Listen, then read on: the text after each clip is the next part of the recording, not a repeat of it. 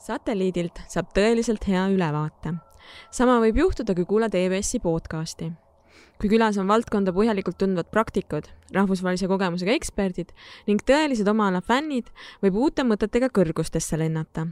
eneseareng ei ole vaid sprint ja koolis käimine, see on elukestev õpe EBS-i podcasti juhib endine majandusajakirjanik, tänane kommunikatsioonispetsialist Siiri Liiva. saateid saab kuulata nii Apple Podcastides, Spotify's kui ka Youtube'i kanalil mismoodi kiiresti arenevas maailmas hoida ettevõtet innovatsioonilainel, mis on erinevad innovatsiooniliigid ja kas innovatsiooni läbiviimiseks on mingit ühte kindlat retsepti. sellest räägime täna Mart Kikase ja Marko Rilloga. mina olen saatejuht Siiri Liiva. Mart Kikas on diplomeeritud juhtimiscoach, kes on ennekõike keskendunud innovatsioonile. tal on üle kahekümne aastane juhtimiskogemus nii era- kui avalikus sektoris ta on töötanud mitme riigiasutuse või rahvusvahelise ettevõtte piirkondliku juhi või asejuhina, olnud Eesti Arengufondi juhatuse esimehe nõunik. lisaks on tal kogemust turunduse ja elektroonilise panganduse vallast, ta on asutanud ja juhtinud mitmeid kirjastamise ja reklaamiettevõtteid. Mart lööb kaasa ka EVS Executive Education Center töös. meie teine tänane külaline Marko Rillo on ettevõtja, juhtimiskonsultant ja EBS-i külalisõppejõud, kes aitab organisatsioonidel leida võimalusi innovatsiooniks. ettevõtjana on ta käivitanud algatusi haridustehnoloogia ja meedia vallas. praegu veab ta eest algatust nimega Be well at work, mis aitab jagu saada läbipõlemisest ja sotsiaalset algatust Helge kool, mis muudab õpilaste koolipäevad rõõmsamaks. tere tulemast satelliidile alustan nagu ikka isikliku laadi küsimusega. Äh, kuna meie tänase saate teemaks on äriinnovatsioon, siis sissejuhatuseks uurin, mis oli selline tõeliselt innovaatiline lahendus, mida te viimati kuulsite või oma silmaga nägite mõne ettevõtte, selle tootearenduse või äriprotsesside puhul ja mõtlesite, et vau, see on tõesti äge asi ma võin alustada, et mul oli, eile oli mentorlussessioon ühe alustava Serbiast pärit äh, põllumajanduse ja kliimaga tegeleva ettevõttega mm, -hmm. kes on siis leiutanud sellise ägeda asja nagu äh, taimede rasedustest ja asi oli täpselt selline, et mille peale, kui sa kuuled seda, et noh, et taimel võib olla rasedustest, et äh, siis see paneb kohe kulme kergitama, et mis asi see siis täpselt on. aga tegemist on siis sellise tööriistaga, mille abil on võimalik võtta mingisugune hulk lehti, näiteks mm -hmm. tomatilt või siis nisult või mis iganes on see taim täpselt.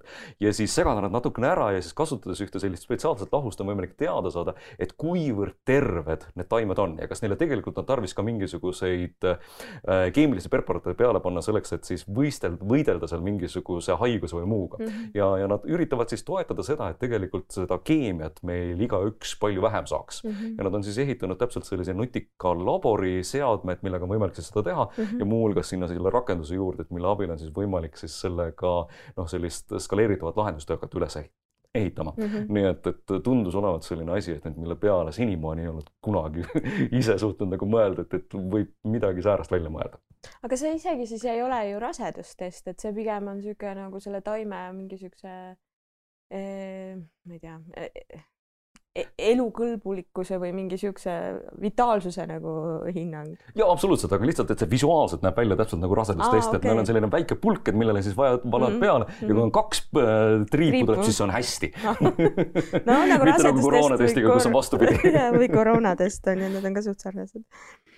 nii, väga hea äh,. Marko äh,, nii, Mart no võib-olla eh, nii huvitava nimega mul pakkuda ei ole, aga üks eh, tiim mul Portugalis teeb praegu, no ütleme, ennem on tehtud osa sellest, aga nemad panid nagu teise osa, mida pole olnud kuulda, et oleks tehtud, on noh, kroonilised haiged ja siis need, kel võib-olla vanad ka, et enam ei mäleta ja nii edasi, et rohtu võtta, on ju. Mhm, mhm. õigetel aegadel ja nii edasi kõik, et see on tark rohu nii-öelda karp, on ju mm mis siis noh, õigetel aegadel avab õigeid, õigeid siis aknakesi või uksekesi, kust siis äh, inimene saab need äh, tabletid sealt kätte. et noh, seda on ka varem tehtud, võib-olla mitte nii päris tarka mm. -hmm.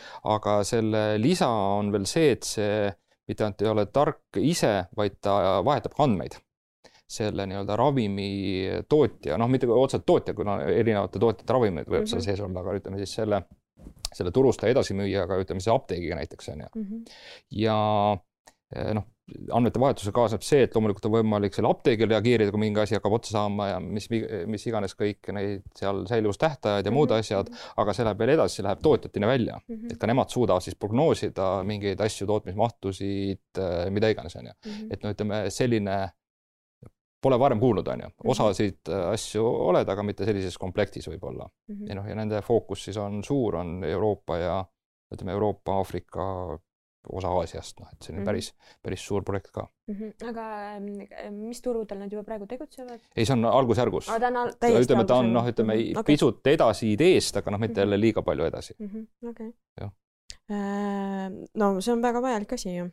Äh, aga Marko, ma korra tulen tagasi selle mm, taimede rasedustesti juurde, kas seda kuskil kasutatakse ka juba? ei, nad on praegusel hetkel veel samamoodi nagu prototüübi faasis, et neil on olemas mm -hmm. äh, erinevad põllumehed mm, -hmm. kusagil kümmekond erinevat siis taime nad valinud mm -hmm. endal selleks prototüüpimiseks mm, -hmm. et kellega nad on siis tänaseks poolteist aastat neid asju ära teinud okay. ja mhm. seesamane toode on siis põllumehed on öelnud, et jah, nagu tundub, et töötab ja, ja meile meeldib mm -hmm. ja, ja see aitab, aitab meil kõvasti nagu kulusid kokku hoida mm. -hmm et me lihtsalt niisama ei mürgitaks ja et, et ei oleks seda riski ka, et noh, et ühel hetkel, kui haigus tuleb, et mm -hmm. siis me mhm. üldse seda ei teaks. ja, ja praegu nad on siis täpselt selles faasis, kus nad on siin ka ühes Eestis asetsevas mm -hmm. kiirendis on Beamline Acceleratoris on sees mm -hmm. ja nad otsivad aktiivselt endale rahastust, nii et tundub, et nad on täpselt selles faasis, kus nad siis hakkavad ennast skaleerima mm -hmm. väljapoole, et, et testide tulemused on päris, päris paljulubavad mm. -hmm okei okay., no innovatsioonist äh, iseenesest on üsna pikalt räägitud, ettevõtted on äh, nii avalikus kui erasektoris sellega pikalt tegelenud.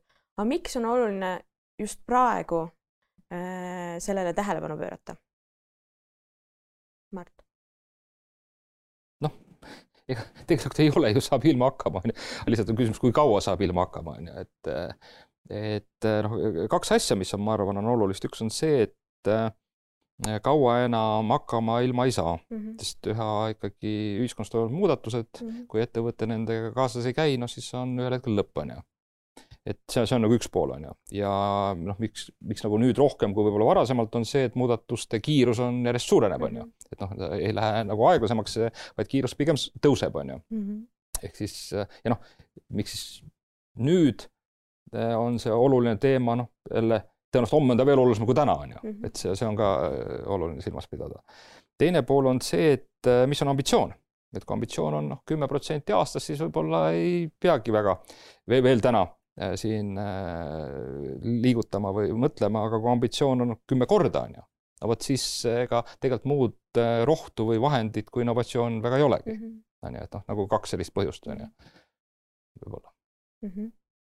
Marko kui ma siia võib-olla lihtsalt lisaksin, et äh, mis on needsamased põhjused, miks on hakatud suuresti selle peale mõtlema mm, -hmm. on teatud mõttes siiski nagu väliskeskkonna surve mm, -hmm. et, et äh, paljud hotellid hakkasid mõtlema selle peale, et jah, me peame midagi hoopis teistmoodi tegema, kui koroona tuli ja, ja nende kohad olid lihtsalt tühjad mm, -hmm. mitte midagi eh, enam ei olnud võimalik teha.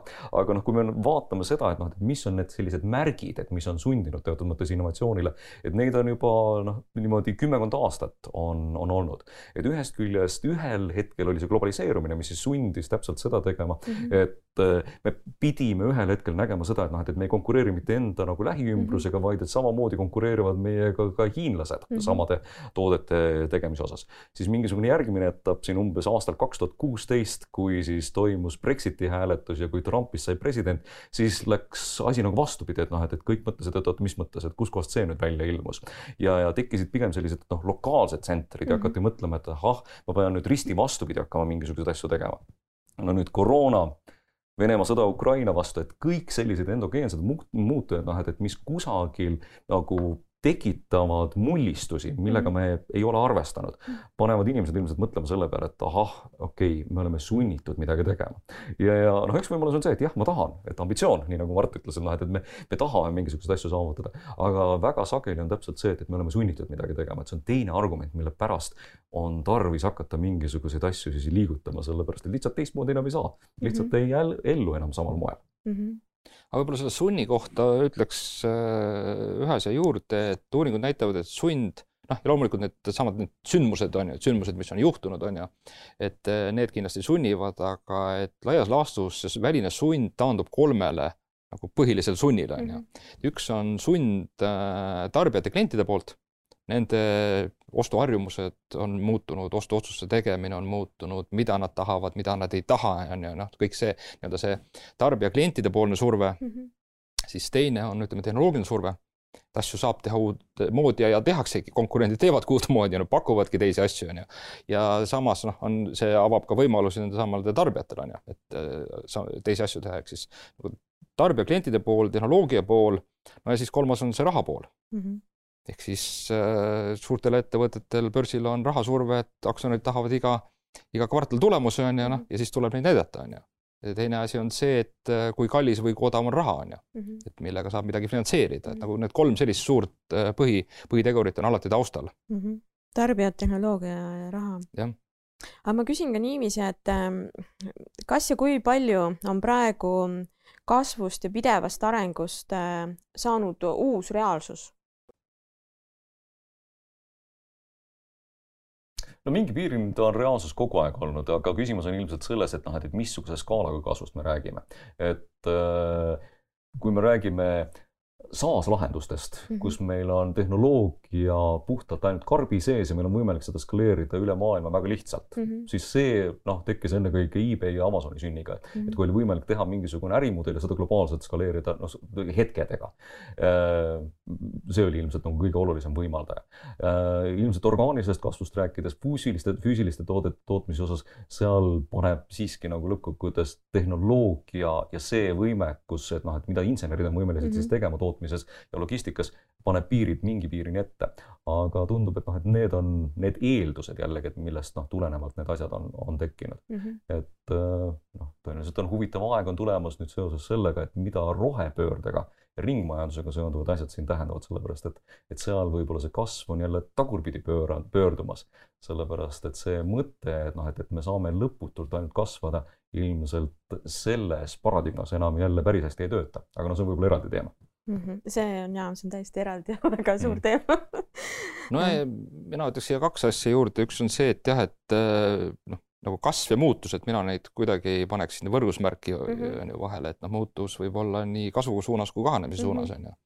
ja kumbki ei ole iseenesest hea ega halb on ju mm. -hmm. et äh, kõik on see, mis nagu tulemus on seal aga nüüd, et noh, millal see on olnud reaalsus, minu jaoks on see olnud reaalsus, ma ei tea, aastast üheksakümmend kolm, kui ma esimese ettevõtte tegin, on ju, et mhm. ma pole kunagi nagu tundnud, et see kuidagi nagu reaalsus ei ole, on ju. Mhm. lihtsalt jah, küsimus, et eh, kuivõrd see igapäevaselt nii-öelda sisse lööb tegemistesse, on ju. Mhm. ja siis, kui kiire see on ja noh, võib-olla ka valdkonnas, et ma olen lihtsalt olnud sellistes valdkondades, kus noh, on, ongi see nagu igapäevane muutus on, ongi no, olnud äh, oluline, noh, see ütleme, tehnoloogia, pangandus mm -hmm. ja, ja internet ja kõik need valdkonnad, et jah, võib-olla oleks ma olnud mõnes muus valdkonnas, siis poleks see nii olnud, aga jah, ma ütlen, minu arust on see reaalsus väga paljudes valdkondades noh, väga ammu. Mm. -hmm miks ma seda küsisin, on seetõttu, et äh, mõned saated tagasi me rääkisime äh, finants, ettevõtete finantsjuhtimisest ja ettevõtete väärtuse kasvatamisest. Ja noh, seal tookordses arutelus äh, tuli välja ka see, et, et noh, et ongi mõned ettevõtjad või ettevõtted, kes ongi rahul oma ütleme stabiilse rahavooga, nad nagu ei mõtlegi selle peale, kuidas peaks tohutult ettevõtte väärtust äh, mitte mitmekordistama, noh, ei ole väga niisugust nagu suurt kasvule orienteeritust. et, äh, et seetõttu ma küsisingi, et noh, et kas ja kuivõrd, et, et kui palju võiks olla selliseid ettevõtteid, kes, kes no, ongi rahul oma stabiilse seisundiga Neid võib olla suurel, suurel hulgal ja selles ei ole mitte midagi halba, et, et kui neid on palju, sellepärast et noh, et, et paljude jaoks ilmselt see, et, et mis neil olemas on mm., pakub neile rahuldust mm. ja, ja kui me võtame natukene budistlikuma maailmakäsitluse, siis mis saaks olla parem kui täpselt see rahulolu sellega, mis on. et kui on liiga palju kadedust, siis täpselt tek, võivadki tekkida ka nagu negatiivsed sellised aspektid selle kasvamise juures. aga, aga see on jällegi eelistuste küsimus mm, -hmm. et kelle jaoks on see tähtis ilmselt need siis nagu mõtlevad nende alternatiivide peale, et kuidas oleks võimalik mhm. kasvada mm -hmm.. okei okay., tahad sa, Mart, midagi lisada? ei, ma olen seal väga nõus, et noh, et äh, minu arust rahulolu ongi, ongi hea ja, ja ma arvan, see võiks olla üleüldine eesmärk, et Mhm. kõik ongi rahul oma asjadega, on ju.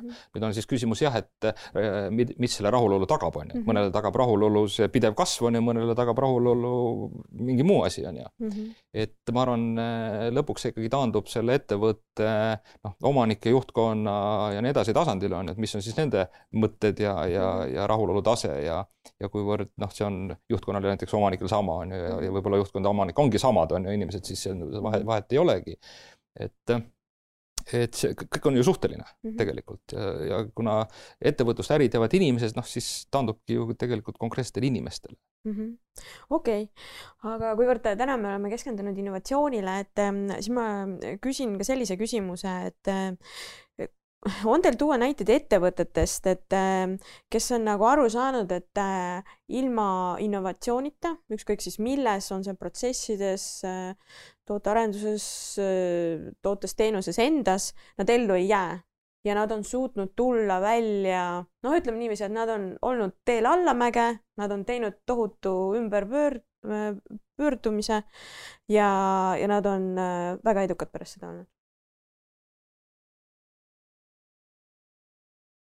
No selliseid maailma näiteid pole mõtet tuua ja ei tahagi tuua, on ju. Ka maailma Amazonid ja. Google'id ja, ja nii edasi kõik, et, et noh, kuigi võib-olla nendes seda allamäge me, me pole näinud, on ju.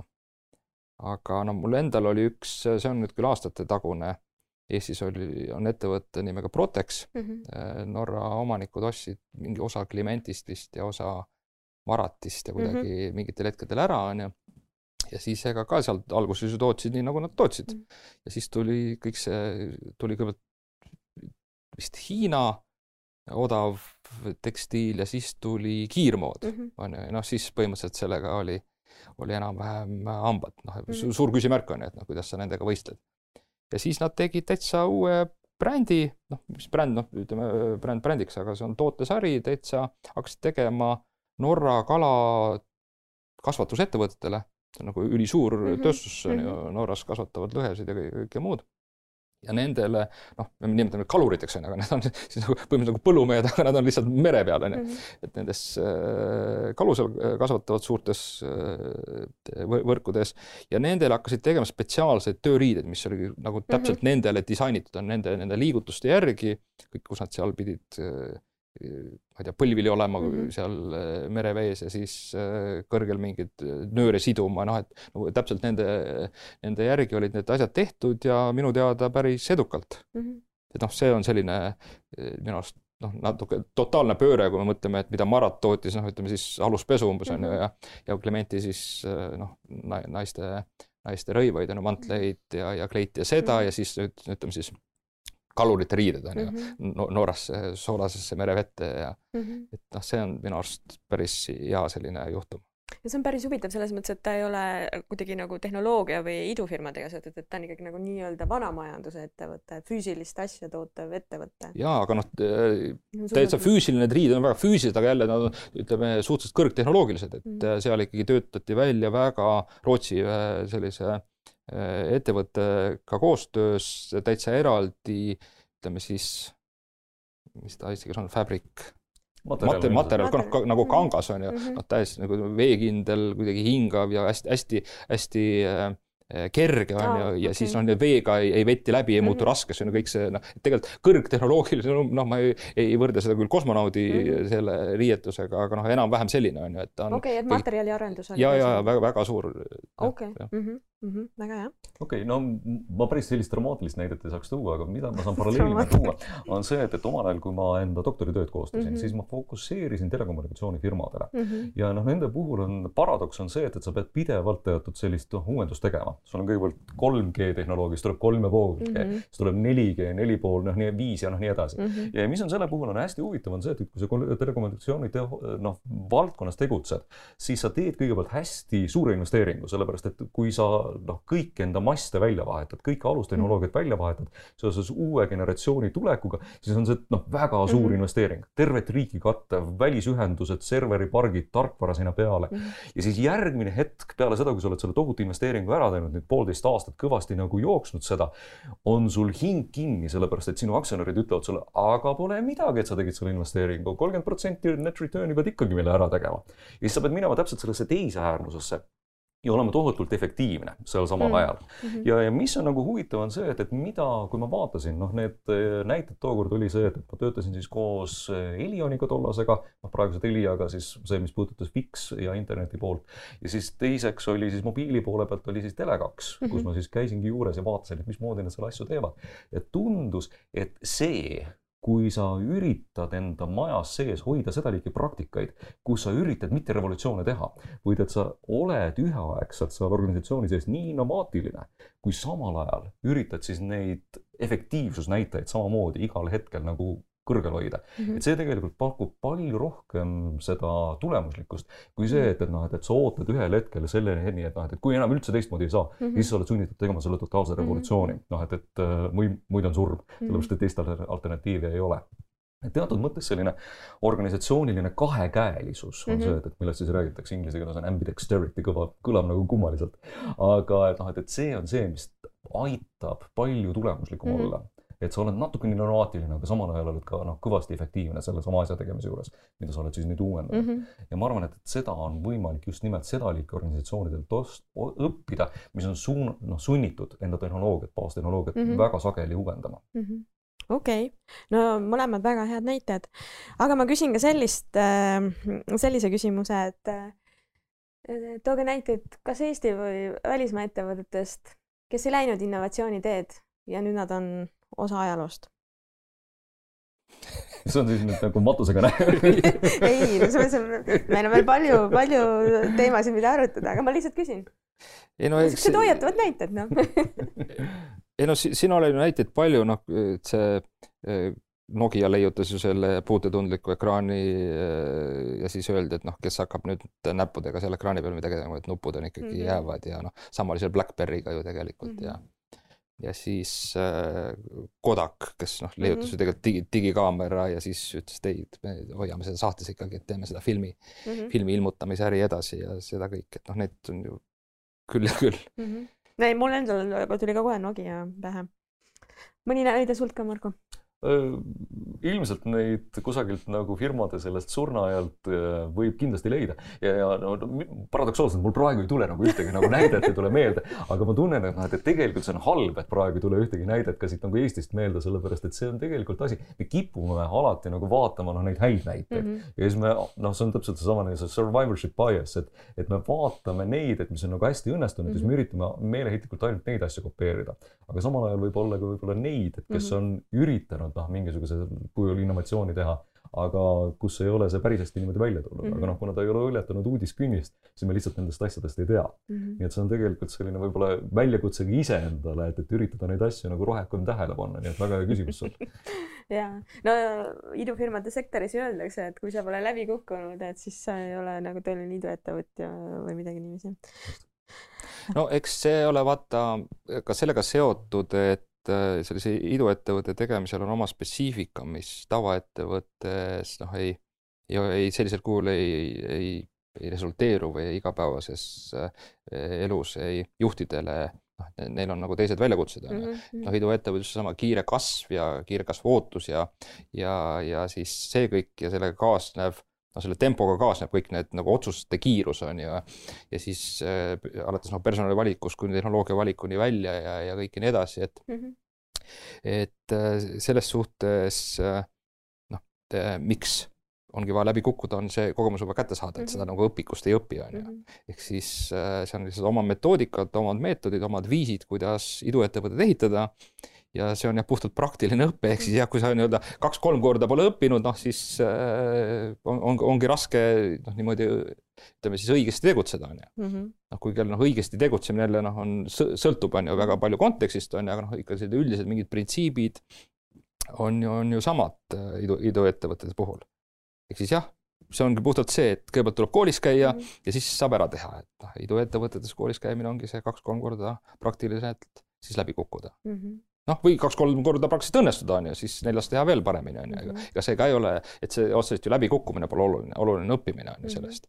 Mhm. ja tegelikult äh, õppida saab ka edust, samamoodi kui, kui läbikukkumist ja ebaedust, mhm. on ju no on ju palju ka neid näiteid, kes on ju oma esimese või teise idufirmaga teinud äh, eduka exit'i ja liikunud järgmise. no just täpselt jah, et küsimus on siin just õppimisest on ju, mhm. et see, me jah, just palju kiputakse ütlema, et jah, see läbikukkumine on see võtmesõna mm, -hmm. tegelikult ei ole, tegelikult on õppimine mm. -hmm aga jah, no võib-olla läbikukkumistest, kuna see on valus, et võib-olla õpitakse siis paremini, on ju, et noh, inimene siis nagu surve all õpib paremini kui, kui õnnestumisest, on ju, aga noh, üleüldiselt just õppimine on siin oluline, ma arvan mm. -hmm kunagi, kui ma ülikoolis käisin, siis äh, kursusel oli päris mitmeid neid, kes käisid Southwesterniga raamatuid müümas. ja siis ma mäletan, et kui üks mu kursavend äh, tuli tagasi sellest, sellelt, sellelt suvelt mis ta seal USA-s veetis neid raamatuid müümas, et siis ta, tal oli nagu väga huvitav lähenemine asjadele, et ei ole nii, et sometimes you win, sometimes you lose, vaid et sometimes you win, sometimes you learn ja mulle kuidagi on nagu hullult meelde jäänud see,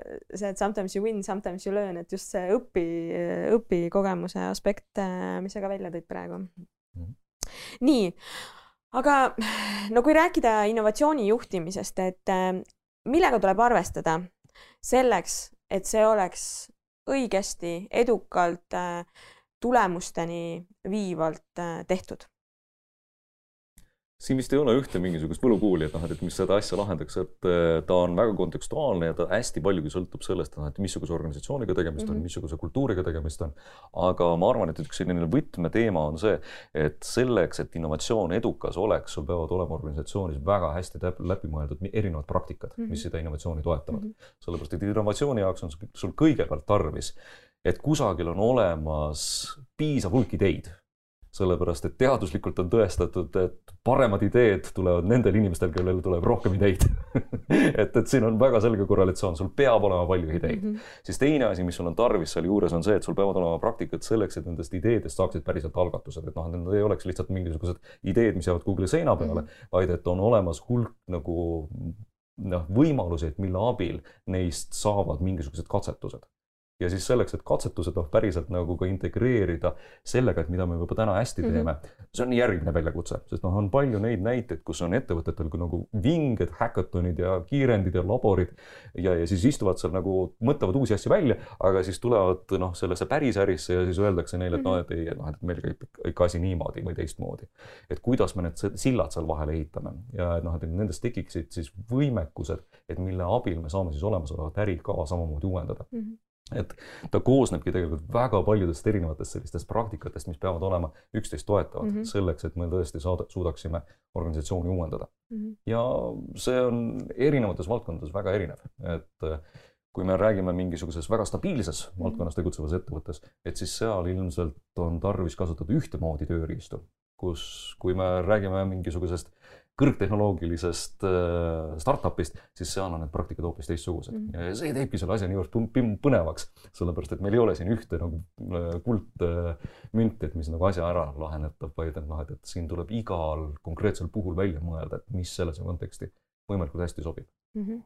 no vot tahad sa oponeerida, lisada, täiendada? ei, kindlasti mitte oponeerida, lisada jah väga oot-, ootaks oponeerimist Arve läheb vaidluseks. jälle, kui ma mingitel seminaridel esinen innovatsiooni juhtimise teemal, siis mm -hmm. ma väga tihti alustan slaidiga, noh, oleneb kontekstis, sest prantslastele ma näitan siis äh, see Macroni, mitte küll president, aga see on see äh, makaron on ju, see noh, mis iganes, ta on väike ja ümmargune ja mm, -hmm. ja siis äh, noh, nagu magustat on ju mm, -hmm. küpsetis selline väga vahva, krõmpsuv. et selle retsepti noh, eestlastele ma näitan äh, õunakoogi retsepti on ju, aga noh, mhm. põhimõtteliselt on see, et äh, näitan retsepti ja ütlen, et äh, paraku innovatsioonis sellist retsepti tuua ei saa, et võta mm -hmm. nagu jahu nii palju, seda nii palju, pane ahju kakssada kakskümmend kraadi, küpseta viisteist minutit ja no siis võta välja, siis noh, enam-vähem tulemus on garanteeritud mm, -hmm. on ju, noh, mõnel natuke parem, mõnel vähem, aga noh, enam-vähem sa saad koogi valmis, on ju, retsepti järgi. innovatsioonis sellist retsepti ei ole ja ei tule. noh, mitte kunagi ei tule. ei tule ka. ei, ei tule ka, sest innovatsioon on ikkagi seotud millegi uudsega uus on see, mida täna ei ole mm. -hmm. ja siis retseptiga küpsetada seda uut, mida täna ei ole, noh, seda definitsiooni kohaselt pole võimalik, on ju. aga jälle väga olen nõus Markoga, et on mingisugused tükikesed mm, -hmm. mis peavad olemas olema, mhm. on ju aga need tükikesed sõltuvad suuresti kontekstist. aga laias laastus on neid tükikesi viis mm. -hmm. noh, mis on kontekstist, ei sõltu üldse mm, -hmm. see on protsess ise mm. -hmm. ta innovatsioon on protsess, innovatsioon ei ole akt või, või mingi sündmus, mis nagu täna juhtub ja homme om, homme enam ei juhtu või homme sai läbi, noh, või täna kellegi sünnipäev, noh, see on mm -hmm. sündmus on pidu on ju, noh, pidu on läbi, see on kõik on läinud koju ja on noh, nagu läbi, on ju, et innovatsioon, see, ta ei ole, ta on protsess, on ju. ehk siis protsess võtab aega. ja noh, see on nagu algus on noh, ideedest loomulikult, nagu Marko ütles, aga noh, lõpp on see, et sellest sünnib midagi või jäetakse vahepeal pooleli, on ju. et aga see on see protsess ja see võtab aega. ja see protsess toimub ikkagi projektides mm. -hmm. kui me räägime organisatsioonist, see on projekt, on ju. mingid inimesed sellega tegelevad, neil on mingi, kas eelarve või on mingi ajaraam või on midagi nagu on, on ju, seal on ju on ju, mida nad päevast päeva siis teevad. ja sellel on vaja projekti juhtimist mm. -hmm. see on nagu, see on nagu üks asi, et sellel protsessil peab olema mingi projekti juhtimine. noh, kasvõi see, et nagu Marko ütles, et noh, teevad mingi häkatoni, on ju, no ja siis esmaspäeva hommikul lähevad tööle tagasi, no ja mis siis nagu juhtub, on ju, noh, mitte midagi ei juhtu, on ju. Business as usual. ja täpselt, on ju, et noh, see tuleb formuleerida projektiks, tuleb anda mingi asi sinna peale, mingid eelarved, mingid inimesed ja siis midagi hakkab juhtuma, on ju. nii, et siis projekti juhtimine. aga nüüd on selle projekti juhtimisest üksi ei piisa, seal on vaja kahte asja ümber.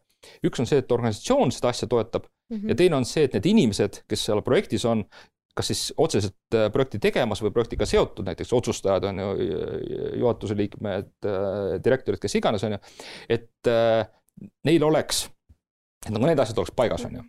ja organisatsiooni poole pealt on kaks suurt asja, on organisatsiooni kultuur ja siis struktuur ja kõik need protsessid, kuidas organisatsioonis asju tehakse, on ju, kuni hierarhiani välja ja, ja mis iganes, on ju, et kes mida otsustab ja, ja seda kõike, ehk siis kultuur ja, ja, ja protsessid ja, ja struktuur et see on organisatsiooni mõttes on ju, et need peavad seda innovatsiooniprojektide teostamist toetama. Ja teine on siis äh, indi-, indiviidi poole pealt, ehk siis need inimesed, kes on seal seotud, kas siis otseselt tegijad, nimetame neid innovaatoriteks, on ju, või siis nende juhid ja otsustajad, neil peab olema motivatsioon sellega tegeleda. Mm. -hmm ja vähemalt innovaatorite puhul on see tihtipeale ikkagi sisemine põlemine, nii-öelda motivatsioon peab olema, et noh, väliselt saad küll neid motiveerida rohkem, aga kui sellist sisemist motivatsiooni ei ole, siis sealt head nahka ei tule. noh, juhtide puhul võib-olla piisab ainult välimisest, on ju, kuna nemad seal igapäevaselt ei tegele. ja siis teine on see, et peavad olema need inimesed vastavad kompetentsid mm. -hmm ikkagi innovatsiooniprojektis osalemine nõuab teatud kompetentse noh, me oleme rääkinud, nagu startup on erinev, on ju, samamoodi innovatsiooniprojektid on teistmoodi projektid kui tavaliselt noh, nii-öelda mingid efektiivsuse projektid mm -hmm. või ma ei tea, turundusprojektid on ju. et seal kompetentsid on erinevad ja eriti just innovaatori kompetentsid on erinevad, aga tihtipeale unustatakse ja sellest saadakse aru mm. -hmm. aga tihtipeale unustatakse ära, et ka nende juhtide kompetentsid peavad olema pisut erinevad. sest innovatsiooniprojekti osas otsustamine on teistsugune kui mhm. tava investeerimisprojekti osas otsustamine et seal on teised kriteeriumid äh, äh, tulevad mängu äh, endiselt on nii-öelda andmetepõhine otsustamine, numbritepõhine otsustamine on ju, aga on, aga on teised mõõdikud. ja oluline ka see, et kui investeeringu puhul võib-olla see otsustus on ühekordne, üks noh, nii-öelda konkreetne mõõdik ja mingil hetkel otsustatakse mhm. jah, ei on ju kuidagi, siis innovatsiooniprojekti osas seda otsustust tuleb teha mitu korda. ja need mõõdikud muutuvad päris algust nagu idee üle otsustada, on see hea idee või mitte, on ju. Need mõõdikud seal on pigem vähem sellised objektiivsed numbrilised, on ju, ja pigem rohkem sellised subjektiivsed, kas sobib strateegia, kas on mingit nagu turg on näha nagu see, on ju. aga mida aeg edasi, seda järjest on nii-öelda teised kriteeriumid tulevad mängu, järjest rohkem ta nii-öelda numbriliseks läheb, on ju, vähem subjektiivseks ja nii edasi kõike. aga noh, jälle, et see ei ole üks otsus, vaid see on mitu kas seda on kolm otsust nüüd seal vahepeal on ju või neli või viis või kümme on ju, noh, et see on ju iseküsimus on ju, aga kindlasti otsuseid peab olema rohkem kui üks mm. -hmm ja kriteeriumid on erinevad ja kriteeriumid muutuvad. otsuste nii-öelda vahel on mhm. erinevad kriteeriumid. protsessi jooksul? jah mm -hmm.. okei okay., kes peaks innovatsiooni juhtima ühes ettevõttes? siin jällegi ei ole vist nagu ühest sellist vastust, et mm, asi, mis mulle nagu noh, väga selle viimase mõttega, et mida Mart nagu rääkis, on äh, seondub, on tegelikult see, et noh, et ta, ta on hästi tul-, hästi tugevalt on kultuuris kinni mm. -hmm. ja, ja siin ei ole noh, ja, ja nüüd üks klassikaline näide noh, sellisest nagu suurest ettevõttest on Microsoft. et kuni selle hetkeni, kui Steve Ballmer oli Microsofti pealik, oli kogu Microsofti kultuur üles ehitatud väga põhjalikult konkurentsile suure su,, suunatuna mm. -hmm. see tähendab, et ta võttis tööle võimalikult geniaalseid programmeerijaid, arendajaid, müüjaid, kes oskasid asja väga hästi teha ja noh, nui neljaks nad saavutasid oma tulemusi mm. -hmm. kui Satya Nadella võttis tegevjuhtimise üle mm, -hmm. natukene aega oli sellist ootamist, pausi, aga ta juurutas väga lihtsa põhimõtte. aasta lõpus pead sa näitama, et kas sina oled kedagi teist aidanud ja kas keegi teine on sind aidanud mm. kaks küsimust ja noh, see on selline asi, et mida on võimalik tegelikult igasse vestlusesse tuua, mis tahes nõupidamisel. sa saad enda kolleegidega kokku, vaatad, et ahah, viimase nädala jooksul olete neid asju teinud, kas sa oled kedagi aidanud, kas te, keegi teine on sind aidanud. ja see on siis näide, kus tegelikult sa oled ühe kultuuri, mis on hästi individualistlik, üles ehitanud ja muutnud hoopis teistsuguseks mm. -hmm. ja see mhm. muutus toimus kusagil pooleteise aastaga, kus läkski väga suure korporatsiooni kultuur palju kollegiaalsemaks mm. -hmm. ja kui me räägime nüüd täpselt sellest Microsofti näitest, siis seal on võimalik öelda, et innovatsioon on igaühe töö ja, ja kui sa üksteist aitad ja kui keegi teine sind samamoodi aitab mm, -hmm. siis see ongi see, mis tegelikult loob selle innovatsiooni, sellepärast et me omavahelises interaktsiooni käigus me mõtleme välja pidevalt, et mida me saaksime teha teistmoodi mm. -hmm. iga toode, mida me välja pakume, iga uus feature, mis kusagil on minemas mm, -hmm. tegelikult vajab seda, et me koostöös mingisuguseid uusi asju välja, välja pakume mm. -hmm nii et jällegi, ilmselt mõnes teises ettevõttes see toimib kuidagi teistmoodi ja seal võib-olla on ka keegi ametnik, kelle mm -hmm. siis nimi on noh, innovatsiooni äh, eestvedaja või mm, -hmm. või innovatsioonidirektor. Chief Innovation Officer. või, või midagi muud sellist. aga et seda liiki ettevõtetest, kus on innovatsioon on nende DNA sees, on tegelikult ülesanne ehitadagi asi selliselt, et noh, et, et nii nagu kvaliteet on kõigi mm -hmm. ülesanne, on ka innovatsioon kõigi ülesanne mm. -hmm. no Mart, on kõigi ülesanne? Või on tegevjuhi, on keskastme juhtide, ettevõtte arendus- või innovatsioonijuhi. no jälle jah, mis on selle ettevõtte DNA ja mida tahetakse saavutada ja nii edasi, kõik äh, üks noh, kindlasti, mis äh, kõlama jäi minu arust Marko jutust, on see, et innovatsioon on koostöö mm. -hmm innovatsioon ei ole ühe inimese mõte, ühe inimese teostus, see on nagu koostöö ja selle koostöö noh, nii-öelda äh, selline vorm on meeskonnatöö ju, mhm. on ju. Noh, see on see tegelikult see äh, üks, üks äh, liikuma panev jõud ja, ja võimalus teostada innovatsiooni on läbi meeskonnatöö, et see ei ole üksikisikute selline nii-öelda Browni liikumine ja siis kuidagi resulteerub mingiks innovatsiooniks, seda mitte, et meeskonnatöö on üks asi. Ja seda just eriti nagu innovaatorite või nende ärategijate poole pealt on ju nüüd küsimus juhtimise kohta, noh, mina ütlen seda, et kui tippjuht ei ole innovatsioonijuht, no siis juhtimist ei toimu, on ju. ei toimu seda, noh, ja siin kunagi innovatsioon ei ole erinev, on ju, et noh, tegelikult lõppkokkuvõttes kõik, kogu juhtimine tippjuhis ju resulteerub, on ju. Mhm. et loomulikult nii-öelda valdkonna juhtimine on eraldi asi, aga noh, tippjuht peab olema noh, inglise keeles on see innovation champion on ju mm -hmm., noh, champion jah, võib-olla eesti keeles kõlab ka on ju hästi, on ju. Et äh, peab olema see eestvedaja, on ju.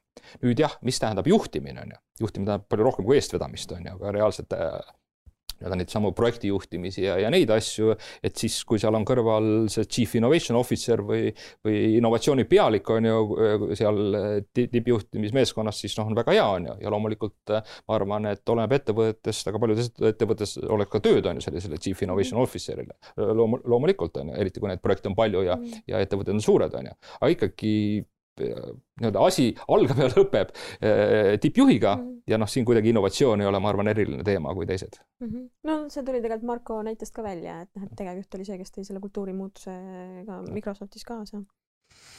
aga ma küsin seda, et äh, no seesama näide, mis sa Marko praegu tõid, et noh, et sa ütlesid, et noh, et äh, enne kui see muutus seal Microsoftis tuli, et siis oli see noh, et nui neljaks tehti oma asjad ära ja saad, saadi tulemused kätte, et kas on olukordi, kus äh, see nagu ütleme, innovatsioonijanu võib nagu noh, nagu selle ettevõtte äh, töötempo noh, nagu käest ära viia või noh, et, et see tempo läheb liiga hullumeelseks.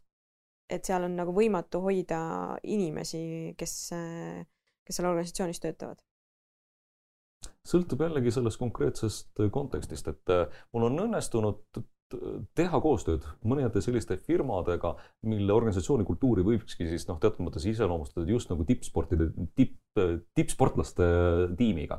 ja, ja, ja nad, kui nad on suutnud leida endale inimesed, kes seda liiki mingi tempoga mm -hmm. kaasa lähevad ja kes on valmis kogu aeg niimoodi mõtlema, et jah, tegin ära, panin nagu rekordi kirja ja järgmine aasta panen veel poolteist korda rohkem mm -hmm. ja järgmine aasta panen veel poolteist korda rohkem mm, -hmm. siis kindlasti on võimalik sellega edasi liikuda mm. -hmm. mõningatel juhtudel jah, see mõned äh, võib läbi põletada, aga on olemas tõepoolest seda liiki ettevõtteid, et kus on noh, seda kultuuri täiesti aktiivselt viljeletud ja täiesti noh, varjamatult öeldaksegi, et noh, et, et meie siht ongi mm -hmm. noh, väga suur kasv kogu aeg mm -hmm. ja, ja me otsime inimesi, kes on võimelised selle kasvu ja selle tempoga meiega kaasas käimas mm -hmm. ja see loomulikult ei ole kõigile ja see ei pruugi olla ka ainukene nagu viis, et mismoodi mm -hmm. äri teha. et neid meetodeid on teistsuguseidki mm -hmm.. okei okay,, et sihuke siis äh, ma ei teagi, siin, see ei ole sprindijooksjate tiim, see on maratonijooksjate tiim vist või? no maratonijooksjate tiim, kes iga otsa peal teevad oma sprinti nii et, et noh, et, et need kaks asja tegelikult kombineerituna. Mhm, okei okay,, sprint ja maraton sama. no aga jälle, see ei pruugi üldse olla seotud innovatsiooni teostamisega. Nad võivad äh, kasvu taga ajada ja see kasv ei pruugi üldse põhineda innovatsioonil on ju, mhm. võib põhineda hoopis muudel asjadel. Mhm. okei, aga Mart, ma küsingi siis, et äh, kas kuidagi on võimalik olla ajast ees ka ilma inimesi, protsesse ja organisatsioone läbi kurnamata?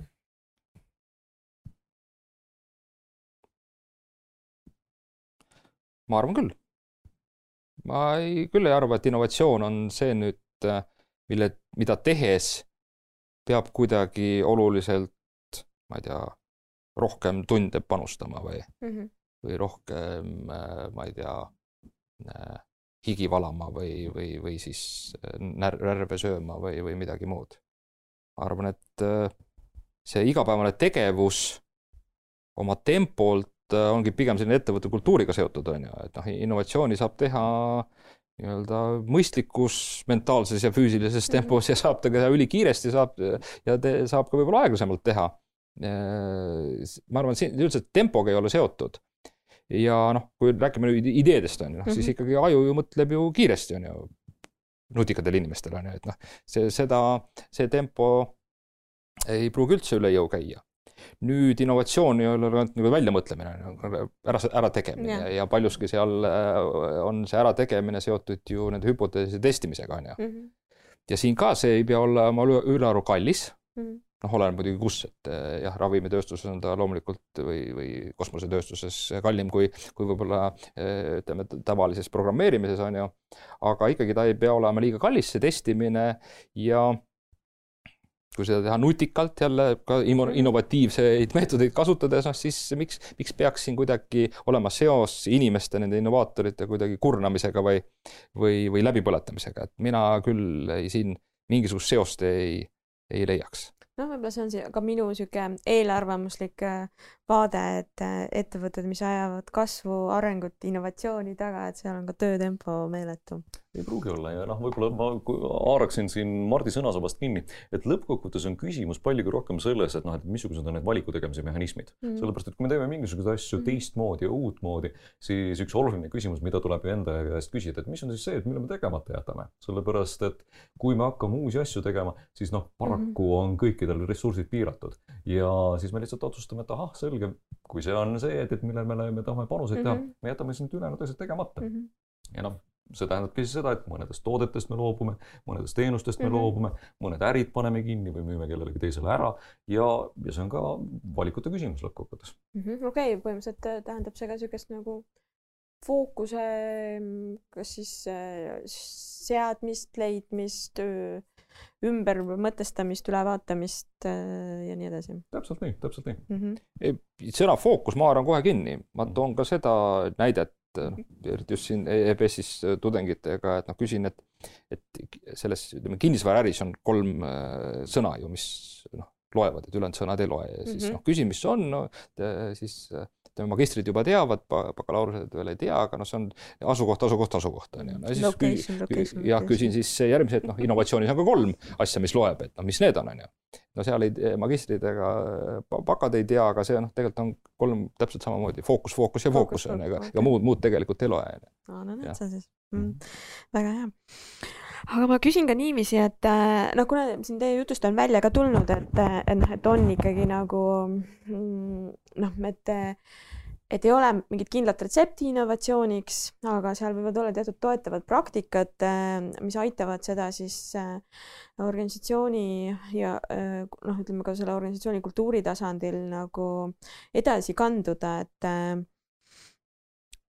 kui palju, ütleme nagu peaks siis sellises olukorras ähm, andma ruumi äh, või looma võimalusi, ütleme niiviisi, noh, kastist välja lahenduste väljamõtlemiseks, nende katsetamiseks, nendega mingil muul moel edasiliikumiseks.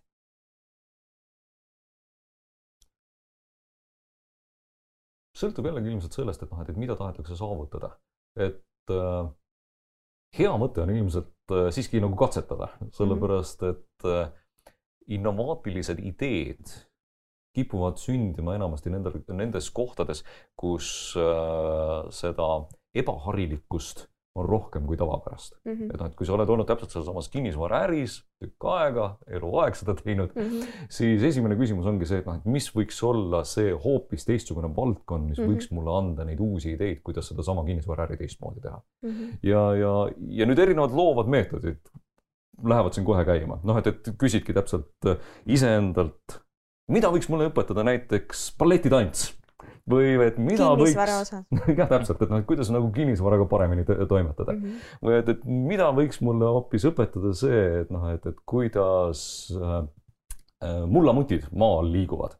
et noh, jällegi seda oli ikka assotsiatsioonid mm, -hmm. mida võib-olla igapäevaselt ei tee mm. -hmm hakkavad panema inimeste mõtteid liikuma sellistesse kohtadesse, mis võivad tekitada väärtust mm, -hmm. mis võivad tekitada nalja ja, ja kui nalja saab ja kui on võimalik nagu seeläbi teatud mõttes ennast asetada hoopis teise kohta, kus sa tavapäraselt oled, siis on ka võimalus, et tekib neid ideid, millel on selline väärtus, mille peale paljud senimaani ei ole üldse mõelnud sellepärast et väga paljuski need asjad, et mis siis loovad hiljem kliendile väärtust, on moel või teisel kuidagi unikaalsed mm, -hmm. sellepärast et noh, et, et ma mõtlen selle peale, et ohoh, et see oli väga huvitav, mida ma praegusel hetkel kuulsin. ja kui ma juba pööran sellele tähelepanu mm, -hmm. siis on potentsiaal, et, et edaspidi ma kliendina muuhulgas ka mõtlen nende peale. et mm -hmm. noh, et, et, et see võiks olla see ost, et noh, et, et mida ma hakkan tegema mm. -hmm. me elame paratamatult tähelepanu majanduses mm -hmm. ja mhm. seda liiki asjad võivad noh, huvitavaid nagu võimalusi meile hakata pakkuma. aga no see on puhtalt ainult kliendi vaade. et Mart, mis sul selle peale veel pähe tuleb? Mul tuleb siin kolm asja pähe, üks on see, et kastist sees ja kastist väljas on ju. Mm. et kindlasti kastist väljas on oluline. ja see on nagu kahes mõttes, üks on see, et äh, oma valdkonna kastist väljas mm, -hmm. et e, mis me näeme, et äh, üha rohkem selliseid innovatsioone toimubki kahe nagu algupäraselt täitsa et nagu seostamata alade vahel mm, -hmm. et pannakse kaks täitsa erinevat ala kokku ja siis seal nii-öelda kokkupuutepunktis midagi uut mm -hmm. tekib, noh. bioloogia, informaatika, bioinformaatika on ju ja siis äh, sealt, et noh, selles mõttes, et, et äh, kastist välja, et nagu oma kastist välja ala mm -hmm. mõttes on ju, või selle valdkonna mõttes. teine on see, et oma kastist välja inimese või nagu omaenda isiksuse ja oma teadmiste ja kogemuste mõttes on ju. just seesama, see tiimitöö on ju, see tiim ei tohiks olla nagu noh, nii-öelda viis inseneri või viis disainerit on ju, aga pigem insener, disainer, turundaja mm -hmm. võib-olla mingi sotsioloog, psühholoog on ju, antropoloog, noh, mis iganes, ajaloolane sinna juurde. vot seal, seal tiimis tekib, on ju, just mhm. seesama, et, et seal on ka igal oma kast, aga vot selles tiimis nagu toimub see kastist välja ja alade vaheline siis see sümbioos.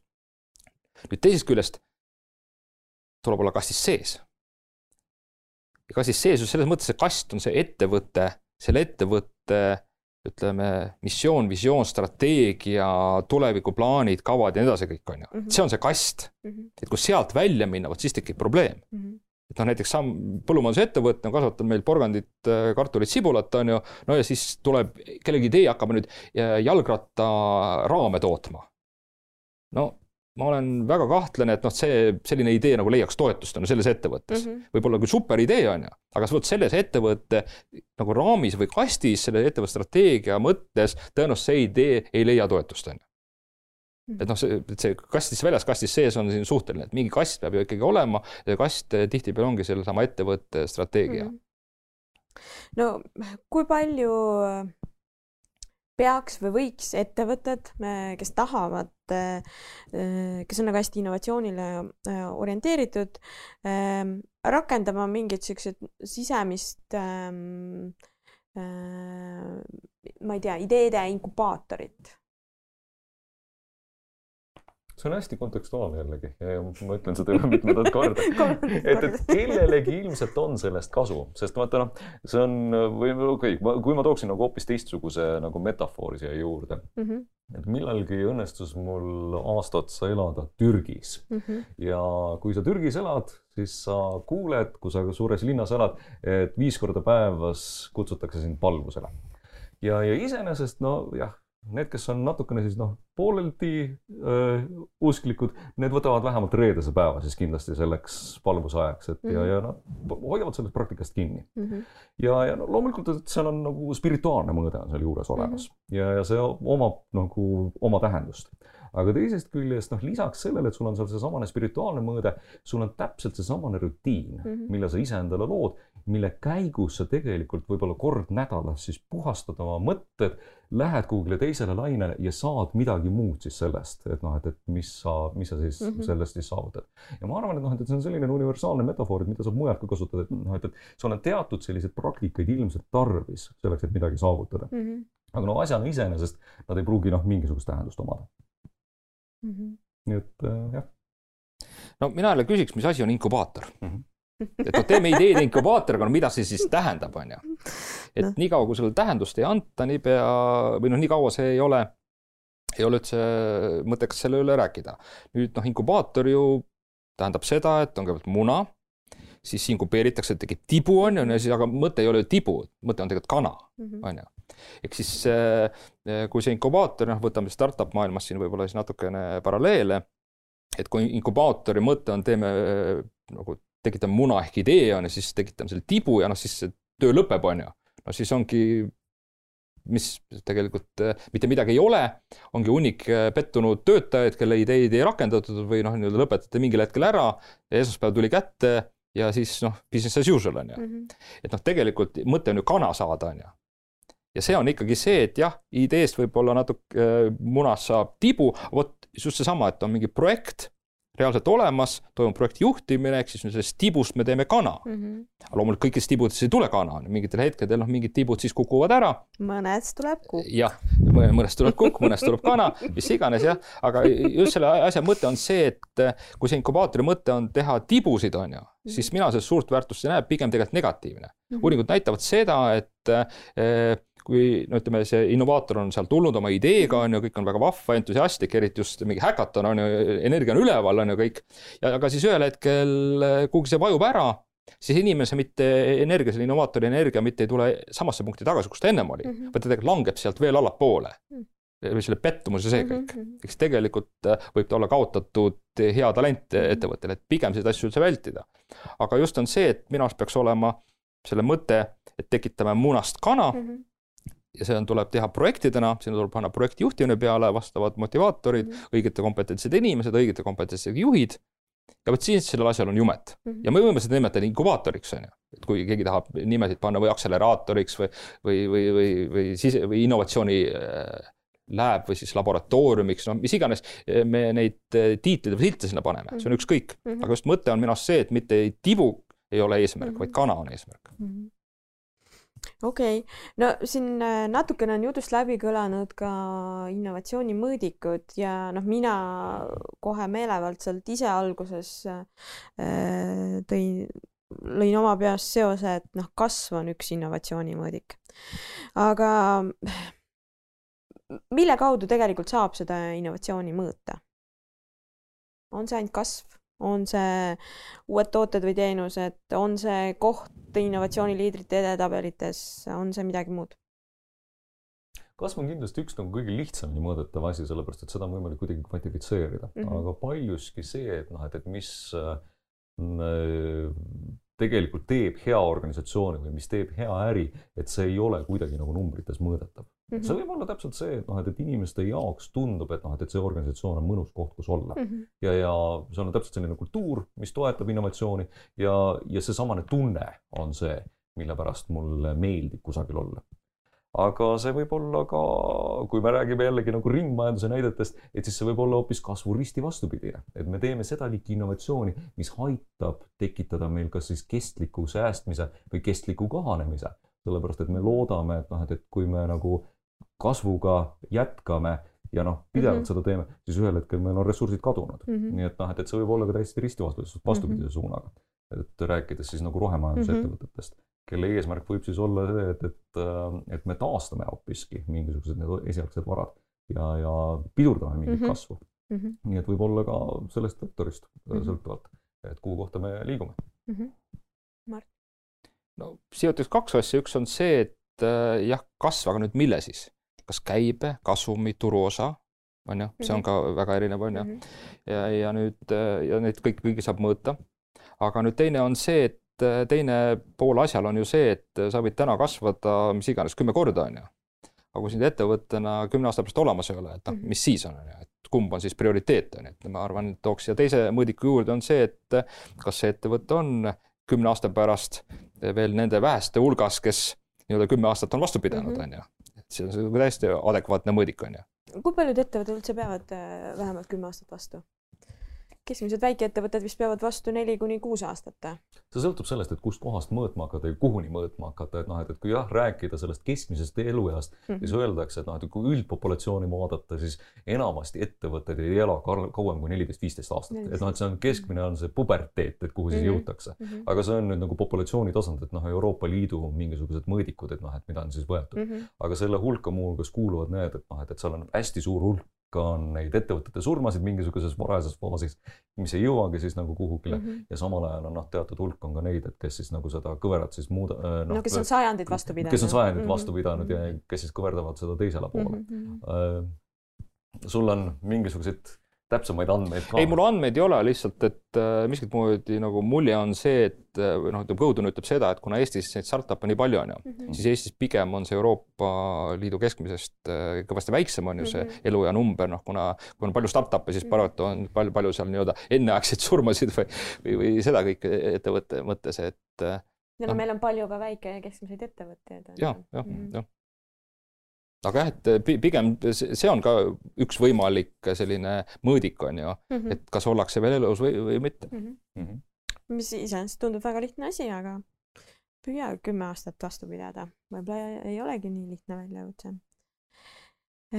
nii, aga ma küsin, noh, ütleme et kui on ettevõte, kes võib-olla ei ole väga eesmärgipäraselt äh, äh innovatsiooniga tegelenud äh,, kuid tunneb nüüd, et, et noh, selleks, et ta ellu jääks, et ta tõesti ka kauem kui kümme aastat vastu peaks on see nagu hädavajalik. mida te soovitate sellisele, ma ei tea, ettevõtte juhile, ettevõtte tippjuhtkonnale kuidas, kuidas saada innovatsiooniga nii-öelda järje peale?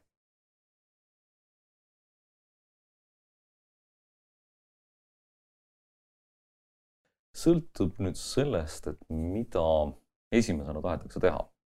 ja, ja see sõltub nüüd hästi paljuski sellest, et noh, et kuskohast see king täna, tänasel hetkel ilmselt pigistab.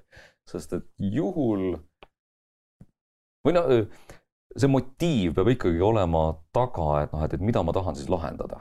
kas mulle praegusel hetkel tundub, et ma siis äh, tahaksin mingisugusest ärist väljuda mm, -hmm. tahaksin mingit uut asja tegema hakata, tahaksin uusi tooteid tegema hakata, elu on igavaks läinud, et tundub, et noh, et, et tahaks mingisugust põnevust sinna juurde saada. aga kui näiteks tar-, on näha, et tarbija on kaotamas huvi, turuosa langeb, müüginumbrid no, need on sellised jah, samamoodi need asjad, et aga noh, kui, kui nagu ettevõtja ja omaniku seisukohast, siis noh, palju on praegu võimalik näha seda, et noh, et, et seoses ka koroonaga on mm -hmm. neid inimesi, et kes on äh, otsustanud, et näed, et seesamane äri, mida ma senimaani olin teinud, et noh, et päris hästi enam ei rahulda ja ma olen selle tegemisest väsinud ja siis otsitakse teatud mõttes nagu suhteliselt palju seda elu mõtet ja, ja uusi väljakutseid. Ja ma arvan, et, et see on tegelikult päris palju see liikuma panev jõud, et ahah, mis, mis võiks olla nüüd see järgmine nagu äge asi, et mis mind ennast uuesti käima tõmbaks aga see on täiesti siis nagu selles indiviidi tasandil ja, ja see on ka täiesti legit põhjus, miks hakata täpselt, innovatsiooniga tegelema. täpselt okay., täpselt, täpselt, et noh, et, et see ei pea olema sugugi niimoodi, et meil on terve organisatsioon nüüd mingisuguse nagu teelahkme ees mm, -hmm. vaid et see võib olla ka täpselt nii, et, et mida ma ise nagu soovin mm -hmm. edasi teha mm -hmm.. okei okay., no Mart? Noh, ma arvan jälle, et kust tuleb see, see sund või motiiv on ju, et noh, kui läheme üksikisiku tasemelt sinna organisatsiooni tasemele, et mm -hmm. kui on ikkagi noh, sa ütlesid, et tarbijat ei ole, on ju, aga noh, kõige noh, kiiremini, ma arvan, jõuab kohale see, et noh, me teeme asju võib-olla vähe efektiivselt, me võiks teha rohkem efektiivselt mm. -hmm. ja siis noh, üks innovatsioon ongi selline organisatsiooni sisene innovatsioon tehakse ju struktuurimuudatusi, protsessi, noh, protsessi innovatsioon on see kõige. püsikulude allasaamine siis või? jah, noh, põhi, kas nüüd püsimuutuvkulud, mis iganes seal on, seal on palju erinevaid nüansse, aga selline protsessi innovatsioon on suhteliselt adekvaatne mm -hmm. termin sinna kohta, et organisatsiooni sees on ju mm, -hmm. see väärtusloome siis toimub. Nüüd äh, kui on surve turult, on ju klientide poolt, no siis ega tegelikult see innovatsiooni, ütleme, liik või tüüp on siis toote-teenuse innovatsioon, on ju. see on nüüd, ütleme, tsipa kõrgem tase, seda on raskem teha, on ju, tavapäraselt raskem teha mm. -hmm ja nüüd, äh, nüüd, kui see surve on juba selline suurem, et mingites nagu tööstusharudes hakkab toimuma mingid globaalsed trendid või see kõik, noh, ega siis see ei pääse sellest, et siis tuleb kogu ärimudel ümber teha mm. -hmm. nii see sisemised asjad ringi teha kui nii-öelda välimised need mm -hmm. tooted-teenused, ehk siis seda nimetame siis ärimudeli innovatsiooniks mm. -hmm. ja see on see nendest kõige raskem aga teisest küljest ka kõige selline potentsiaalsem nii-öelda, kui äratehtuna realiseerub, siis ka nii-öelda ellujäämise šansse mm -hmm. kõige suuremini tõstev mm -hmm. innovatsioon, et et noh, nagu protsessi innovatsioonis nagu efektiivseks nagu lõpuni minna ei saa, et noh mm -hmm., null tuleb ette ja sealt enam allapoole on raske minna, on ju, või noh, mhm. tegelikult võimatu mingites kontekstides on ju. et ka toote-teenuse innovatsioon, seal on omad omad limiidid peal, et see nüüd ärimudeli innovatsioon, mis kõike siis kogu ettevõtet hõlmab, et see on jah, pigem see, mida võiks siis silmas pidada aga jälle see on neist kõige raskem, et eh, noh, hea on siin soovitada, on ju, aga mm, -hmm. aga et, et ei ole see kõigile jõukohane. aga mis aitaks ühel ettevõttel äh, alustada? kui näiteks ettevõttes ei ole isegi mitte ütleme nagu võib-olla niisugust õigest, õiget teadmist või oskust innovatsiooni juhtimisest ilmselt see, kust pihta hakkaks, oleks teatud mõttes tutvumine sellega, et mida ägedad organisatsioonid, kes sarnases valdkonnas tegutsevad. head praktikat siis on? teevad mm. -hmm. ja mida nad teevad teistmoodi, mida nad teevad risti vastupidiselt võrreldes sellega, et mida meie teeme mm. -hmm. ja, ja peale seda iseendale küsimuse esitamine, et aga miks meil ei ole mm. -hmm. et kui nemad suudavad mingisuguseid tulemusi saavutada et mis see vahet tegemine siin on, et noh, et, et me suure tõenäosusega oleme samamoodi turul olnud ju päris pikka aega, me oleme mm. mingites asjades päris hästi juba saanud hakkama. et äh, kas, kas need on mingid fundamentaalsed asjad mm, -hmm. et mida nad siis teevad teistmoodi mm -hmm. või on siis lihtsalt mingisugune noh, peen lihvimine, et noh, et, et mida oleks tarvis lihtsalt natukene teistmoodi teha selleks, et äh, mingisuguseid tulemusi saavutada Mm -hmm. mõningatel juhtudel nad võivad olla väga keerulised teemad, noh, Eestis on üks nendest põhilistest väljakutsetest on see, et meil on hästi palju neid ettevõtteid, kes teevad mingisugust allhanget kusagile mm lääne ettevõttele mm -hmm. ja, ja, ja tundub, et me saame sellest väga hästi aru, sellepärast et me ju teeme seda toodet siin kohapeal. no mis oleks lihtsam, kui me võtta seesamane toode ja minna siis kliendi juurde aga pagan võtaks, et seesamane selle viimase sammu astumine mm, -hmm. et kus ma lähen ise selle mm -hmm. lõppkliendi juurde ja pakun talle järelteenindust ja kõikvõimalikke muid neid asju. see võib olla väga keeruline aspekt sellest väikesest nagu innovatsioonist, mis esmapilgul tundub olevat niivõrd tilluke mm. -hmm. ja, ja selle iseenda jaoks lahti mõtestamine, et, et kuidas ma selle praktika sealt enda juurde nüüd võiksin tuua mm. -hmm. et äh, see võib olla üks selline huvitav nagu mõtteharjutus, mida saab teha mm. -hmm. Mart, mida sa soovitad? mina mõtlen jälle pisut teist aspekti või külge ma olen näinud, et ütleme, toote-teenuse juhid on ju, on tihtipeale ära kasutamata innovatsiooni võtmes. Mm.. Nende ülesanne on nii-öelda olemasoleva asja säilitamine. Mm, -hmm. võib-olla pisut siin nagu noh, siit ja sealt äh, mudimine on ju, aga sellises strateegilises plaanis nad ei paista välja, nende hääl ei kõla, noh, mis iganes põhjusel on ju, et äh, võib-olla on ka seal noh, pole õiged inimesed, on ju mm, -hmm. et mhm. nende häält võib-olla polegi vaja kõlama lasta või noh, on õiged inimesed, aga ei lasta seda kõlada. ja, ja võib-olla nende sümbioos sellise, ütleme, turundus või müügijuhiga koos mm -hmm. on ju, et kui saaks sellise nagu kahest peast kokku panna sellise väikse innovatsioonirakukese tootejuht ja siis turundus või müügijuht sest noh, tootejuhil on oma spetsiifika, on see toote pool, nüüd turundusmüügijuhil on see kliendi pool, on ju, ja nemad nagu sellise rakukesena anda neile rohkem sellist võib-olla kaasarääkimist, noh, vastutust ka, on ju, mhm. et tõesti, et sealt, et äkki sealt tuleks mingisugune selline alge võib-olla mm. -hmm. et noh, kuidas pihta hakata, on ju, et vaadata, kes need inimesed on, anda neile võimalus äh, kas nüüd panna kohe sinna innovatsiooni ju tiitel otsa, see polegi, ma arvan, nii oluline mm, -hmm. aga just anda neile võimalus, sest nemad on need, kes tegelikult ju noh, kui me ei räägi nüüd ütleme protsessi innovatsioonist on ju, aga räägime siis toote-teenuse innovatsioonist ja võib-olla sealt järgmises astmes ärimudeli innovatsioonist, noh, nemad on kõige lähemal sellele eh, mida sellel teadmisele, mis tuleb teha, see tuleb turult, on ju, ja kuidas seda teha, see tuleb tootest-teenustest, on ju, ja siis eh, kõik see, mis selle ümber on, logistika on ju, ja see kõik, et, et võib-olla see on selline üks soovitus, mida anda, sest noh, ma olen ise näinud palju sellist kasutamata mm -hmm. potentsiaali just sellise tootejuhtide võtmes mm. -hmm no kui palju sellistel äh, ettevõtetel või ettevõtjatel oleks abiks äh, EBS-i äriinnovatsioonialane nanokraad? millega te mõlemad seotud olete? ei no palju on abiks, et noh, üks võimalus loomulikult jah, on kui startup'i teha, siis tuleb startup'i teha, on ju, et siis ongi kolm korda teed ja siis oled, oled kogenud ja siis oskad teha neljandat, on ju. et nüüd äh, innovatsiooni puhul õnneks on natuke lihtsam, et siin ei pea noh, nii-öelda nii suurte äh, investori rahadega kolm korda läbi kukkuma, et siin on ka mingisuguseid asju võimalik ära õppida, noh, me mhm. oleme rääkinud siin meetoditest, tööriistakastist on ju mm. -hmm. et ikka tegelikult on õpitavad mm -hmm.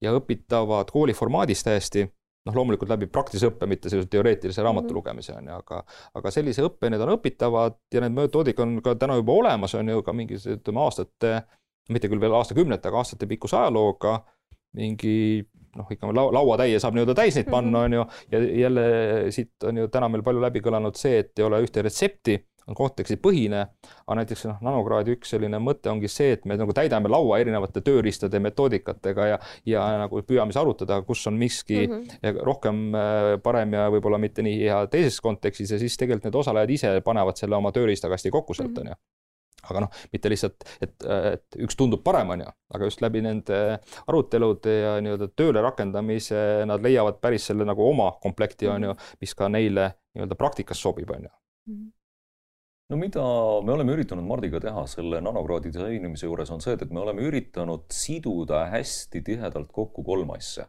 kõigepealt me oleme üritanud alati leida mingisuguse teema käsitlemiseks mm -hmm. mingi väga selge kontseptsiooni, noh, mingi raamistiku, mingi aspekti, mis võimaldab tulla korraks nagu helikopteri tasemele ja mhm. vaadata mingisugusele asjale otsa mm. abstraktsel tasemel mm. ja saada, et noh, et, et kui meil on praegu segadus natuke nende mõtetes, siis on võimalik teatud mõttes see riiul, see segadus enda peas nagu selgeks vaadata, et ahah, nii võib seda asja teha mm. -hmm. siis järgmine asi, mida me oleme üritanud sinna panna, on see, et, et erinevaid näiteid et praktilisi näiteid headest praktikatest, ettevõtetest Eestist, kusagilt mujalt, et näed, nemad on seda teinud niimoodi mm. -hmm ja, ja need on sellised näited, et mille puhul on võimalik vaadata, et ahah, huvitav, me saame seda samamoodi siis tuua. ja kolmas jah, mida Mart samamoodi ütles, et see tööriistakast, et erinevad vahendid, mida ma saan praktikas kohe kasutama hakata mm. -hmm. et mille puhul ma tean, et ma olen esimene päev siia Nanosse kohale tulnud ja sellesamase esimese päeva lõpuks on mul olemas esimene tükk sellest lõpptulemusest.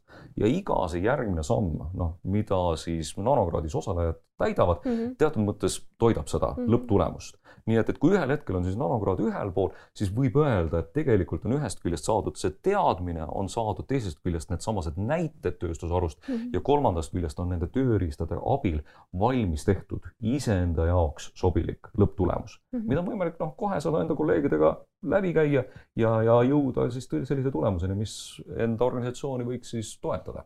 Et on need innovaatilised vahend, vahendid ja muuhulgas need baas nendeks protsessideks ja praktikateks seal olemas mm -hmm.. võib-olla ühe nüansi ütlen siia juurde, et noh, näiteid võib ju tuua maailmas palju, kõik Amazonid ja Microsoftid väga vahvad on ju, aga noh, mhm. kuidas ma siin, siin väikses Eestis, Tallinnas äh, rakendan neid on ju, et mhm. tihtipeale need jäävad elukaugeks, mhm. aga. see on no, nii suur mastaabi. jah, et no need näited on olemas ja me neid ka toome, aga rõhk on äh, rohkem ja rohkem just nii-öelda kolleegidelt õppimise peale mm -hmm. ja selles mõttes, et äh, seal on meil grupp peaaegu kolmkümmend, on ju, ja tegelikult need kolmkümmend ongi näited. Nad ju äh, noh, magistri mm. tasemel nad kõik töötavad kuskil, on ju, nad ei ole nii-öelda üliõpilased, nad kuskil töötavad, nad on mingis ettevõttes ja see ettevõte ongi see näide, on ju. ja nad on olnud teistes ettevõtetes varem, ehk tegelikult meil on need nagu kolmkümmend näidet seal on ju, siis korda noh, mõnel on kaks, mõnel on kolm, on ju. Mm. ja need meil ongi metoodiliselt äh, sisse ehitatud, et tegelikult nad toovad need näited lauale mm. -hmm noh, loomulikult nad ei räägi ära mingeid ärisaladusi seal ettevõttes, aga nad toovad need praktikad ja näited lauale ja tegelikult see, see näidete varamu, mille peale seda tööriistakasti seal rakendada, noh, selle võrra suurem mm -hmm., pluss on elulähedasem, on ju, kuna need näited on siit ümbruskonnast, on ju, nagu samasugused inimesed tegid, mitte noh, Steve Ballmer kuskil kunagi tegi, on ju, noh, sama ja Jaan ja Jüri ja meil on noh, rahvusvaheline grupp, on ju, et seal on ka Herrid ja ja kes iganes, on ju, et noh, et eh, need näited on siinsamas kõrval ja kohe saab rääkida, kohe saab küsida, on ju ja, ja kohe-kohe rakendada, jah okei okay,, et ühesõnaga päris suur rõhk on ka sellisel nagu peer learning ul põhimõtteliselt. ja loomulikult see on väga suur rõhuasetus on seal mm, -hmm. jah no innovatsioon on väga põnev teema ja sellest võiks rääkida tunde aga kahjuks äh, meie aeg hakkab täna otsa saama. ehk et siin tõmbame sisulisele arutelule joone alla, aga mitte veel saatele endale et nagu te mõlemad juba teate ka, siis me podcast'il on niisugune traditsiooniline lõpuosa, kus kõik külalised saavad iga kord vastata samadele eh, kolmele küsimusele. ja nüüd küsin teie käest ka taaskord neid kolme küsimust. Mm, mis on see juhtimisraamat, mida soovitaksite lugeda kõikidel, keda paeluvad juhtimisküsimused või väljakutsed? on siis esimene mina soovitaksin enda hiljutisest lugemisvaramust ühte väga vahvat teost Carolyn Frankenbergilt, äh, kes on siis St Galleni ülikooli professor, kes on välja mõelnud erinevad ärimudelid just nimelt äh, ringmajandusele hmm. ja see, et, et kuidas ongi võetud hoopis teistsugune valdkond ja teatud mõttes see pea peale pööratud, et äh, kuidas äri võiks käia hoopis teistel alustel hmm.. ja mulle tundub, et noh, et, et see võiks olla päris selline huvitav asi, mis on igal juhul minu, mind pannud nagu viimase noh, kolme-nelja nädala jooksul hästi palju võib-olla mõnedele teemadele hoopis teise nurga alt mõtlema hmm,. väga huvitav. ringmajandus on siin EBS-is ka täiesti omaette fookuses. nii Mart, mis sinu seekordne raamatusoovitus oleks? mina ütleks täitsa teisest ooperist, ooper selles mõttes, et äh, kusjuures üks tema raamatutest on ka ooperist. aga äh, et äh, juhtimine on ju päeva lõpuks ikkagi inimeste juhtimine mm, -hmm. ega muud seal ei ole, et noh, protsessi juhtida, aga protsessi teevad ka inimesed, on ju, otsuseid vastu võtta, aga need teevad ka inimesed. ehk siis inimeste juhtimine on juhtimine, on ju ja siis, et inimesi juhtida, ega noh, muud ju valdkonda ei ole kui psühholoogia on ju, ja siis mm -hmm. natuke sotsiaalpsühholoogiat sinna juurde eh, tiimide ja gruppide osas.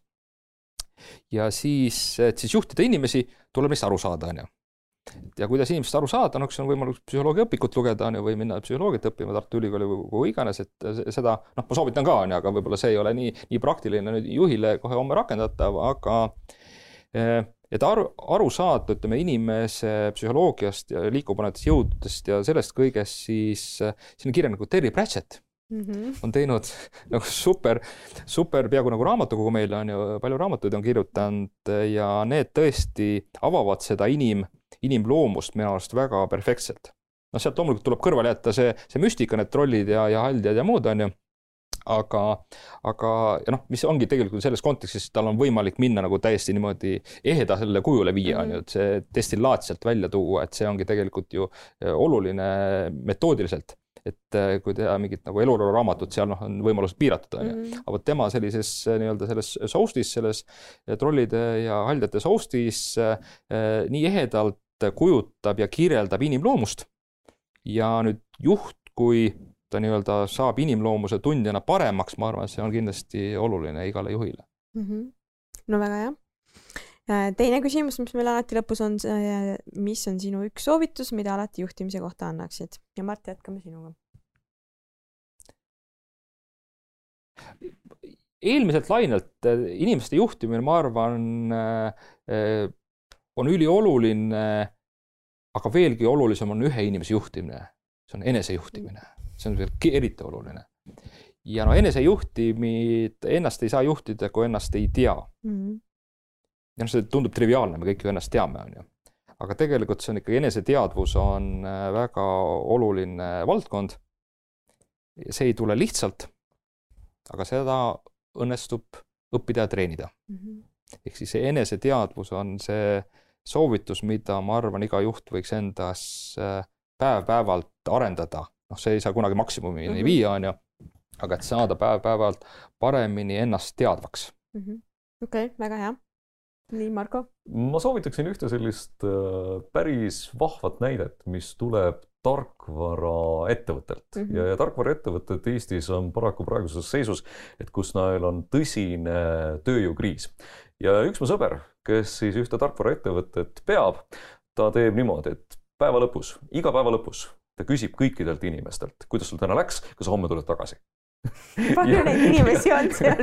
Ja, ja, ja, minu meelest seesamane asi, et noh, et, et kui sa nagu kontori ukse peal iga, igaühe käest küsid, et kas sa homme tuled tagasi ja kas sul oli täna piisavalt tore. et, et see on nagu lihtne praktika, mida on kõigile ka hea juurutada, et noh, kuula inimesi ja, ja küsi, kas neil kõik on korras ja kas nad tahavad homme sedasama asja edasi teha, mis nad täna tegid aga ma tahan ikkagi teada, kui palju inimesi tal seal ettevõttes on temal on selline kolmekümne ettevõte, kolmekümne no, inimesega ettevõte. aga ikkagi on päris nagu suur töö iga õhtu kolmkümmend inimest läbi käsitleda täpselt nii, okei nagu äh. praegusel ajal nendest kakskümmend kaheksa on kaugtööl, et siis ei ole asi nii hull siis lihtsalt Teamsis äh, paned seal mingi küsimuse ja siis saad erinevate emotsioonidega anda igaüks paneb oma kas like'i südame või mingi muu. no vaata no., innovatiivne kohe lahendus väga kiiresti ka hoiab aega kokku nii, aga eh, kolmas ja viimane lõpuküsimus on meil alati sihuke enesesse vaatav.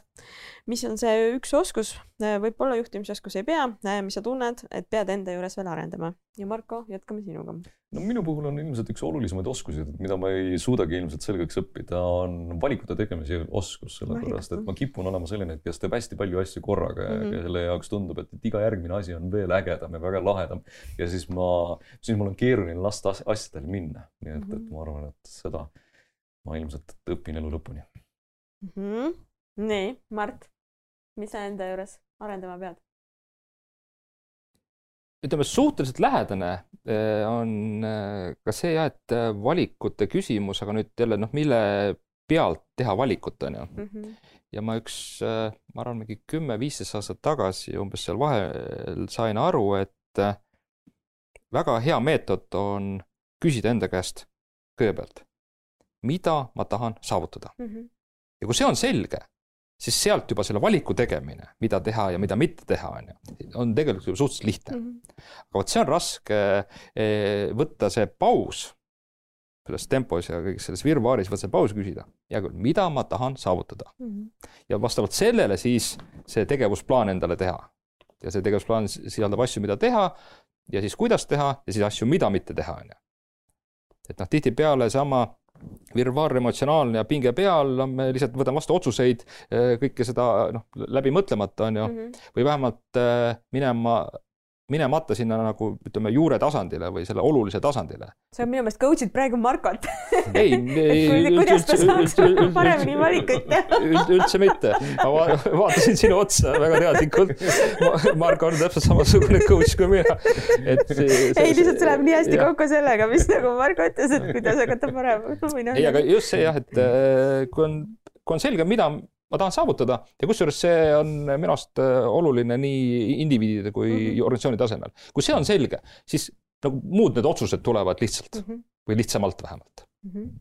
ja võib-olla õigemini ka aga ma ikkagi küsin, mida, mida sa tunned, et sa enda juures pead olema? ja täpselt samamoodi, see ongi see, et äh, ma ise, ma küll tean nüüd ütleme viisteist aastat peaaegu seda on ju mm -hmm., järjest püüan nagu teadlikult ennast treenida mm, -hmm. aga ikkagi mingitel hetkedel see läheb meelest, lipsab, et noh, et, et seda, et ta läheks meelest ära harvemini kui äh,, kui praegu mm -hmm okei okay,, et sul on suht sarnane asi siis ikkagi see valikute tegemise küsimus nii-öelda. jah, ja valikud on vaata, mida vanemaks saad ju, seda olulisemaks muutuvad, on ju. et tuleb maksimeerida alles jäänud päevi on ju, ja seal, et noh, valikud ongi jah, vaja, vaja ju vastavalt siis eh, teha mm. -hmm no väga hea, igatahes eh, see oligi meie seekordne saade. aitäh, Mart, aitäh, Marko. Eh, väga tore oli teiega taas kord kohtuda siin satelliidi podcastis. aitäh ka kuulajatele ja peatse kohtumiseni see oli EBS-i podcast Satelliit. saateid saab kuulata nii Apple podcastides, Spotify's kui ka Youtube'i kanalis